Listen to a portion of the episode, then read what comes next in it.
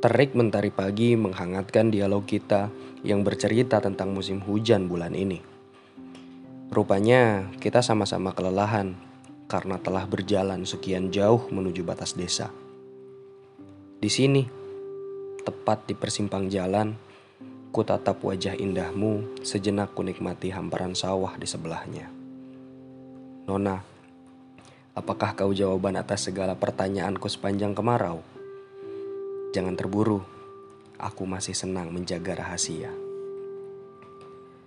Bergegas melangkah sebelum berkemas meninggalkan luka lama yang pulih karena memilih beralih.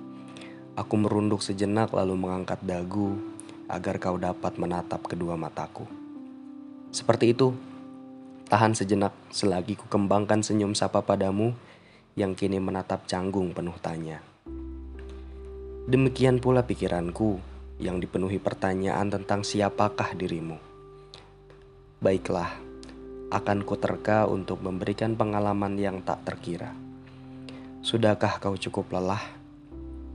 Ambillah segelas air untuk menukar dahaga di samping dialog kita yang perlahan membuat kantuk. Apabila kau sudah tak sanggup menahannya, maka pejamkan matamu dan rawat mimpimu sebagai bunga saat kau terlelap. Bolehkah aku sampaikan sesuatu? Malam ini kau datang ke mimpiku. Di sini, tepat di ruangan yang kau anggap sebagai rumah, dan kau adalah alasanku untuk tinggal. Sama seperti aslinya, kau tetap cantik dengan senyum khas mempesona. Alangkah beruntungnya seseorang yang dapat memandangmu setiap waktu kelak. Lembut sentuhan tanganmu mampu menyampaikan kasih yang sebetulnya kau miliki di dalam hati. Suatu saat kau mengerti tentang maksudku, janganlah kau tolak keadaan ini. Karena apa yang kutulis semua tentangmu dan bukan yang lain. Maka ketika kau sampai pada kalimat ini, putarlah ingatan ketika pertama kali aku melihatmu di sudut ruang penuh tanya di mana jawaban belum tersedia bagi jiwa-jiwa yang merindukan cinta.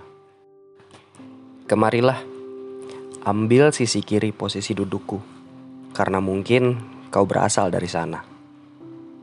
Belum menemukan jawaban. Pernahkah kau mendengar soal tulang rusuk yang saling melengkapi, memberi perlindungan pada hati? Tahan senyummu di sana setelah tanda tanya itu karena aku sedang menghadirkan dirimu dalam mimpi kembali. Kuharap kau mengerti, ada hati yang bahagia meskipun hanya kau beri sekedarnya. Mungkin kau menyangka aku sedang bergurau atau berbicara soal orang lain. Sekarang, tingkatkan lagi intuisimu soal tatapanku yang lain hanya untukmu. Entah bagaimana harus kukatakan karena aku masih ingin menikmati hari panjang dalam menyembunyikan rasa. Kurasa tebakan mereka, bahkan kau, akan salah karena tidak ada yang menduga. Namun, aku tak perlu beralasan banyak karena kau memberiku bahagia yang lebih dari cukup.